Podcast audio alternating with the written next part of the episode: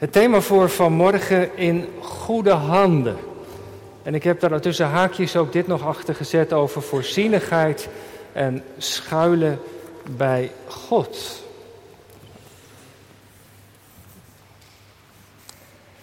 En we zingen na de verkondiging uit Psalm 63, vers 1 en 3, waarin dat beeld van die vleugels van de Heer weer terugkomt.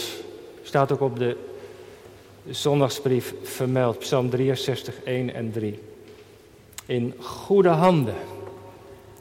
Gemeente van Christus hier in de kerk en u thuis met ons verbonden. In goede handen is het lied dat ze had geschreven. Voor haar kinderen als ze er niet meer zou zijn. Ik heb het over Kinga Ban, de zangeres van Sela, die mei 2019 is overleden. Het lied heeft ze speciaal geschreven voor haar kinderen. Het is een ontroerend getuigenis. Het gaat zo, het refrein, in goede handen. Ik weet dat ze er zijn. En jullie vangen, ze helpen je voorzichtig overeind. Als jullie vallen en ik er niet kan zijn, wees maar niet bang. Want jullie zullen in goede handen zijn. In goede handen geschreven met hoofdletters. Het gaat over de, zorg van de Heere God voor mensen in het bijzonder, in de zorg van de Heere God voor haar kinderen als zij er niet meer is. Gods handen zullen er voor jullie zijn, zingt Kinga. En gemeente, ik dacht, als er één lied wat van toepassing is op deze geschiedenis die we vanmorgen hebben gelezen, dan is het wel dit lied over die handen van God. God is in deze geschiedenis van Rut en Naomi aanwezig. Zijn handen blijken er te zijn. Hij neemt het leven van deze kwetsbare mensen, van, van Rut de Moabitische, van de verbitterde Naomi, in zijn handen. God spreekt niet, maar zijn leiding is er wel. In dit hele Bijbelboek neemt God zelf niet het woord, maar, maar alles spreekt wel van Hem. En in het boek Rut, dat is ook de boodschap, werkt de voorzienigheid en leiding van God op twee manieren. Door de omstandigheden, door de dingen die er gebeuren, aan de ene kant. Aan de andere kant door middel van mensen. Door de dingen die er gebeuren, bij geval, toevallig, wassen op de akker. Toeval is iets wat je van Gods wegen toevalt. God is erbij betrokken en die werkt ook via mensen. Die beide lijnen ga ik vanmorgen uitwerken in de preek. Gods bijzondere zorg in de omstandigheden en Gods bijzondere leiding door middel van de persoon van Boas. Eerst Gods leiding in de omstandigheden. Daar eindigt het eerste hoofdstuk al mee. Als dan Rut en Naomi aankomen in Bethlehem, ze hebben gehoord dat God naar zijn volk heeft omgezien. Als ze dan uiteindelijk in Bethlehem komen, dan komen ze juist op het punt dat de oogst gaat beginnen. Die boodschap dat God had omgezien naar zijn volk, had in het hart van Naomi, hoewel ze verbitterd was, ook verlangen gewekt. Verlangen om weer terug te gaan naar haar geboortegrond. En zo gaan, is zij op pad gegaan. En dan komen ze aan, juist op het punt dat de gerstenoogst gaat beginnen. Je zou zeggen, een beter moment om in Bethlehem aan te komen is er eigenlijk niet. Want Rut kan er op het veld gaan om aarde te verzamelen die gevallen zijn bij het maaien. Ze komen precies op het goede moment. Toevallig? Of is het leiding? En dan in hoofdstuk 2 lezen we dat, dat Rut besluit om op de akker arend te gaan rapen. De mensen die arm waren, mochten dat ook doen. Dat was niet zomaar een gunst van boeren, nou vooruit, haal maar wat weg. Nee, dat was een expliciet gebod van God gegeven aan zijn volk Israël. En ik herinner me nog, goed, we waren in Israël met een groep mensen, een Joodse orthodoxe gids leidde ons. En toen kwamen we daar, we, we, reden met de bus door de akkers, het koren stond op de velden. En toen zei ze tegen ons, zie je dat daar? We keken naar de akker en, en, we zagen dat de rand van die akkers door een kombijn of zo al was afgemaaid. De rest van het koren stond nog op de akker, maar de hele buitenrand was als het ware al geoogst. Weet je waarvoor dat is? En even denken en toen dachten we, ja, dat is natuurlijk dat gebod van de Heere geweest. Een stukje van het land is bestemd voor mensen die geen inkomen hebben. En toen vertelden ze dat het inderdaad het geval was dat de organisaties waren, de die erop toezien dat 10% van die akker ook daadwerkelijk terecht kwam bij mensen die om zo te zeggen in de bijstand leefden. En dat was allemaal naar aanleiding van dat gebod van de Heer, Leviticus 19, wat we hebben gelezen. Als je nu de graanoogst binnenhaalt, dan moet je niet de rand van de akker afmaaien, maar laat die staan en laat het koren wat gevallen is op de grond liggen, want dan kunnen arme mensen dat oprapen, hebben ook zij wat te eten. Laat het liggen voor de arm en de vreemdeling. Ik ben de Heere, jullie God. Het was een expliciet gebod van de Heere. En dat wordt daar in de tijd van Rut nog uitgevoerd. En mensen die er gebruik van wilden maken, hoefden dus niet te vragen om een gunst. Boas, mag ik alsjeblieft? Het was een recht van God. Zodat zij ook eten hadden, koren, brood konden maken. En ook dit puzzelstukje valt op zijn plek. En ik vind het trouwens wel bijzonder, hè, dat samenspel tussen het recht van God en de inspanning. De God had die wet gegeven, maar het is niet zo dat ze daar maar hoefden te gaan en hun handen op te houden. Nee, ze worden zelf ook ingeschakeld. Degene tenminste die gezond zijn om te kunnen werken. Ze krijgen het niet voor niets en ze is de hele dag bezig. Er was een hutje op het veld vanwege de zon, maar daar heeft ze nauwelijks gebruik van gemaakt. Zo hard heeft Rut op de akker gewerkt. Het was een recht, maar tegelijkertijd ook dezelfde inspanning. En de uitleggers wijzen daarop dat in dat gebod van de Heer ook echt iets zit. Dat Hij de waardigheid van mensen respecteert. Als je iets kunt doen, dan mag je dat doen. Dan mag je van het recht gebruik maken. En ook aan het einde van een dag werken, voldoening hebben. En dan het derde puzzelstukje. Dus de gerstenoogst, het feit dat dat gebod er al was. En dan vers 3, het overkwam haar dat zij op de akker van Boas terecht kwam. En als je daar nou allerlei Bijbelvertalingen op naleest, dan zie je dat het, woordje bij geval staat, de vertaling geloof ik, het toeval wil.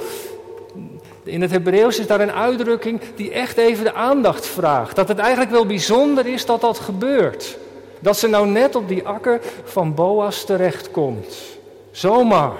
Dan blijkt hij een familielid van Elimelech te zijn geweest, maar de schrijver laat iets doorschemeren. Zie je het? Daar zit nou dat toeval van God. Het valt haar van Gods wegen toe. Hij heeft het zo geregisseerd. Zal ze dat op dat moment gezien hebben? Zien wij de leiding van de Heere God op het moment zelf? Nou, heel vaak niet. Pas in de achteruitkijkspiegel. Misschien pas als je die puzzelstukjes, als je terugkijkt, bij elkaar voegt. Want als je die drie dingen die ik net noemde bij elkaar voegt, dan zie je toch wel iets van een patroon. Die losse gebeurtenissen op zich zeggen nog niet zoveel, maar als je ze met elkaar verbindt, zegt de schrijver, kun je daarin de stille leiding van de Heere God zien. En als wij geloven dat de Heere God op het leven van ons mensen betrokken is, dan, dan mag je dat toch ook verwachten. Dat hij, om zo te zeggen, niet werkeloos toekijkt, maar dat hij op de achtergrond bezig is om in al het verdriet en in alle omstandigheden ook te sturen, te leiden. En zo mogen we dat in geloof toch ook zien. Gods leiding kan zomaar zichtbaar dus worden in omstandigheden. In het feit dat die gerstenoogst net begint. In het feit dat die wet van God er was, die werd uitgevoerd. In het feit dat ze dan op de akker van Boas terechtkomt. Zomaar iets zichtbaar van de stille leiding van de Heere God. En de schrijver vertelt er natuurlijk dat wij het ook meenemen. Ook al zien wij het niet, we mogen geloven dat de Heer ook in ons leven en door ons leven heen aan het werk is. Onzichtbaar, maar toch. Hij is erbij. Zijn handen zijn er. En zijn handen worden ook zichtbaar. Dat is het tweede punt van de preek. Gods leiding in omstandigheden. Gods leiding via mensen. Nu even dan over Boas. God gebruikt ook mensen. Hun handen, hun stem. Om andere mensen te helpen, te troosten, te zegenen. Nou, als er iemand is die dat doet, is dat Boas vanmorgen. Wie is hij? Nou, Rut 2, vers 1 vertelt het al. Hij is een bloedverwant. Weet niet precies in welke relatie, een neef misschien. Een zeer vermogend man. In het Hebreeuws staat daar dat hij letterlijk machtig in aanzien is. Dat, wil, dat heeft een dubbele betekenis. Het is een, een vermogende boer, hij heeft meerdere gronden. Maar het zegt ook iets over zijn karakter, hoe hij bij mensen bekend staat, zijn reputatie. Hij staat bekend als een vrome, gelovige Jood. Zijn naam Boas, in hem is kracht, verwijst daar ook naar. In hem God, in hem is kracht. Boas is een man die leeft met de Heere God. En zo staat hij ook bekend. Ik zal vier dingen noemen waaruit dat blijkt. Hij, hij blijkt een gelovig mens te zijn en een goede werkgever. Het eerste is hoe hij, hoe hij zijn personeel groet. Moeten we eens even kijken naar vers 4. De maaiers, hij groet ze, de heren zijn met u. En ze groeten terug, de heren zegenen u. Het is zomaar een groet natuurlijk. Goedemorgen, fijn dat jullie aan het werk zijn. Maar je ziet bij Boas ook iets van zijn geloof daarin doorschemeren. In de groet verwijst hij naar de Heere God. Mooi hè, deze dag die we van de Heere ontvangen. Nou ja, als je allemaal collega's hebt die niet geloven, is dat misschien een beetje eh, te. Maar het stempelt deze Boas wel. De zondag en de door de weekse dagen is een mens uit één stuk. In kleine dingetjes merk je dat. En het tweede, zie je dat ook in Heer oog heeft voor mensen. Hij merkt dat er een asielzoeker, een Moabitische vrouw, op zijn akker aan het werk is. Ze ziet er anders uit, andere gelaatskleur, andere kleding. Ze is in ieder geval geen Joodse vrouw. Ze komt uit Moab, hoort hij van de maaiers. Ze is aan het werk gegaan in de hoop, zo staat er, dat ze genade vond, dat ze op de gunst van de boer kon rekenen. Dat blijkt ook het geval te zijn. Vers 10, ik heb genade gevonden in zijn ogen. Hij heeft haar gezien. Boas ziet een kwetsbare vrouw. Ze is alleen, ze komt van elders en hij besluit speciale zorg voor haar te hebben.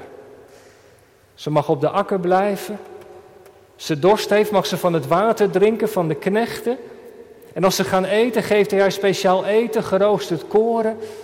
Hij geeft de maaiers opdracht om wat extra spullen te laten vallen. Je merkt dat hij er alles aan doet om voor haar te zorgen. In de kleine dingen. En je ziet dat Boas heeft begrepen wat God van zijn volk vraagt.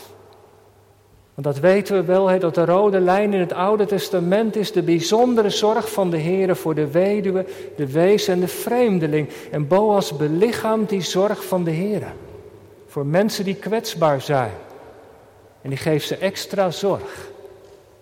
Ik vind dat heel kostbaar in deze geschiedenis. Je zou kunnen zeggen, via de zorg van Boas komt de zorg van de Heere God naar deze Moabitische Rut toe. Hij mag dat doorgeven. Hij mag dat belichamen. En dan het derde punt, hij blijkt ook een goede werkgever te zijn. Kwetsbare mensen hebben bescherming nodig. Rut is een weduwe, een alleengaande vrouw. Ze zit in een afhankelijke positie. We snappen, daar kan misbruik gemaakt van worden. Mensen met verkeerde bedoelingen, die dat zo in de gaten hebben. Maar Boas geeft duidelijk instructies aan zijn personeel. Vers 9 vertelt hij tegen haar: Heb ik mijn knechten niet gezegd dat ze u niet mogen aanraken? Vers 15: Zijn knechten mogen haar niet lastig vallen. Rut, je hoeft niet bang te zijn dat mijn knechten je lastig zullen vallen. Op mijn akker ben je veilig.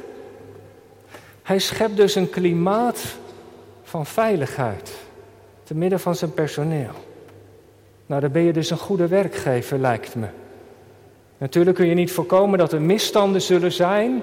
Dat gebeurt ook in de omgang van mensen, helaas. Al te gemakkelijk. Je kunt dat niet voorkomen, maar je kunt wel aan een klimaat werken. Waarin mannen en vrouwen veilig zijn en waar de omgangsvormen, waarvoor de omgangsvormen duidelijke regels zijn. Zomaar een klein detail. Maar wij zijn natuurlijk door MeToo, door alle verhalen over seksueel misbruik, grensoverschrijdend gedrag en nog meer bewust van geworden wat er allemaal mis kan gaan. De relatie tussen man en vrouwen, met mensen die kwetsbaar zijn. We horen het soms ook in de zorg. Kwetsbare mensen die in het zorgsysteem misbruikt worden, verschrikkelijk. Boas is een verantwoordelijke ondernemer. Hij werkt aan een veilig klimaat en duidelijke grenzen. Dat geloof in de Heer vertaalt hij ook naar een cultuur van omgaan op de werkvloer. Duidelijke grenzen van wat wel en wat niet mag. En zo is hij iemand die staat voor, voor recht en respect. En ik dacht, gemeente, hoe kostbaar en belangrijk is dat? Als je zo ook op de plek waar je werkt, in de verantwoordelijkheid die je hebt, iets van die zorg van de Heere God mag vormgeven, mag belichamen. En dan het vierde, dat is misschien nog wel, nou ja, dat is misschien nog wel het meest ontroerende. De woorden die hij spreekt. Dan gaan we even naar de versen 11, 12 en 13. Daar ligt denk ik ook wel de climax van, van Rut 2. Boas die belichaamt als het ware iets van de zorg van de Heere God voor kwetsbare mensen. En we zien dat vooral in wat hij zegt. Een hoogtepunt in dit hoofdstuk. Met een enkel woord weet hij het hart van Rut te raken. Wat Boas spreekt, zou, wij zouden zeggen dat is zo door de Heilige Geest geïnspireerd. Dat zijn woorden die bij de Heer zelf vandaan komen. Maar kijk maar eens naar het effect. Vers 13. Als Boas heeft gesproken, wat zegt Rut dan? U hebt mij getroost. U hebt tot het hart van uw dienares gesproken. Sta daar eens even bij stil. Boas weet woorden te vinden die het hart van Rut raken. En hij weet door de woorden heen deze vrouw, deze weduwe, te troosten. Ik vind dat zo ontroerend. We kunnen met woorden mensen verschrikkelijk pijn doen. Maar woorden kunnen ook helend zijn. Het juiste woord, de juiste plaats met de juiste intonatie kan ook zo geweldig helend en opbouwend zijn. Dat vraagt natuurlijk fijngevoeligheid, ook als wij woorden spreken. We zijn soms daarin best wel onhandig soms, maar, maar die afstemming op de Heere God en de leiding van de Geest hebben we daarin nodig. Dat we in het gesprek met iemand die, die, die, die kwetsbaar is, die verdriet heeft, dat we biddend vragen, Heere God, wat mag ik zeggen? En dat we eerst hebben geluisterd. Heer, wat mag ik zeggen?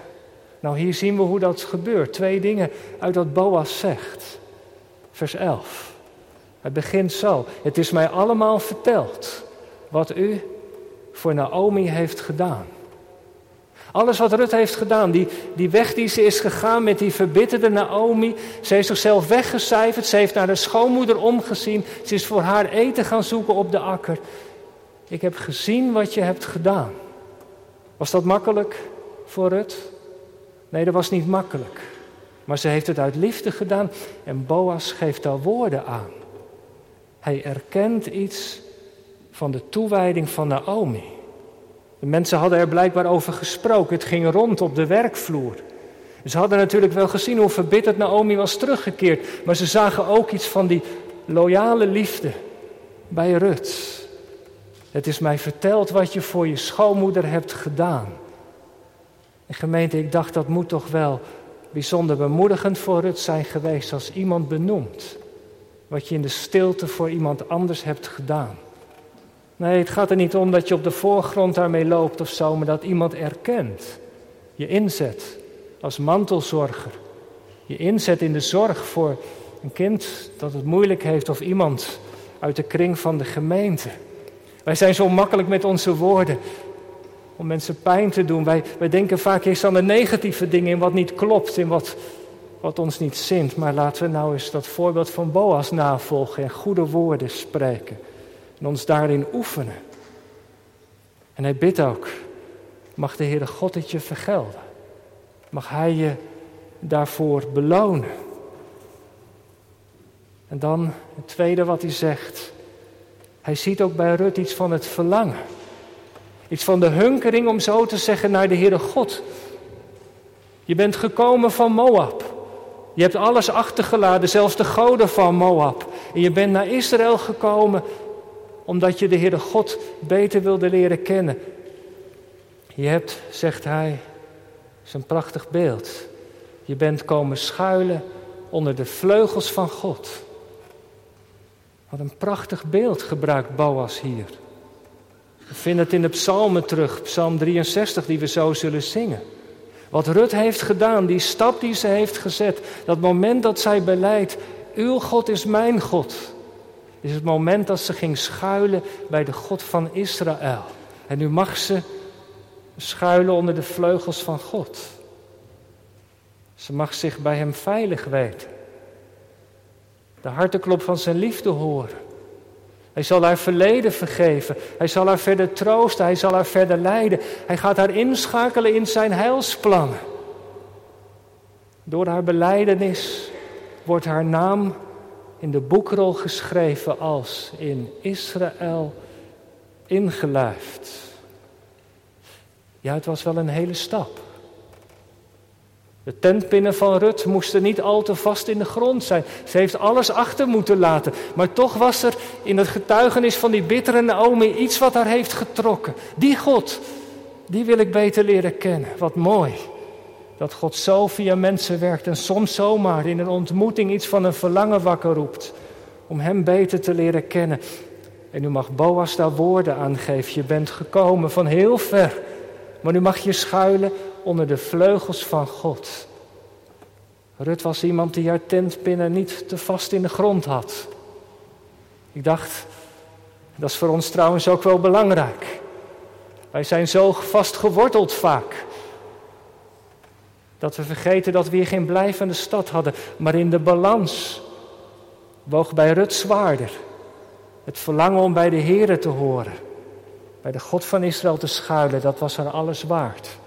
En ze heeft die stap gezet en nu mag Boas namens de Heere God tot haar spreken. Hij mag haar bemoedigen, ja, je bent van ver gekomen, maar je hoort erbij. Je mag schuilen onder de vleugels van God.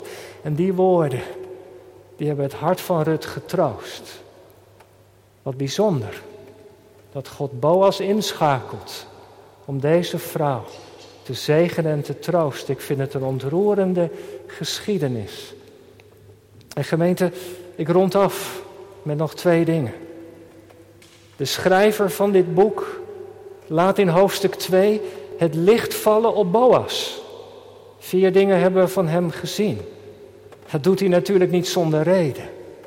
Hij wil als het ware ons als lezers iets laten zien, als het ware een soort spiegel voorhouden. Zie je, hier zie je een man die met de Here leeft die zich door hem laat inschakelen. Zijn handen, zijn woorden, zijn daden, die getuigen van de Heere God.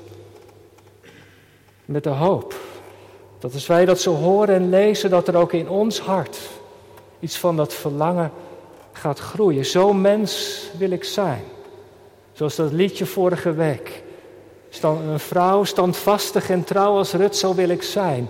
Maak mij iemand als Boas. Mag dat het gebed zijn in ons hart ook na afloop van deze dienst. Heer, maak mij tot zo'n mens die op de plek waar ik woon, leef en werk tot zegen mag zijn. Mogen mijn handen, mijn woorden, mijn daden voor anderen zo tot zegen zijn dat ze de vleugels van u over hun leven voelen vallen.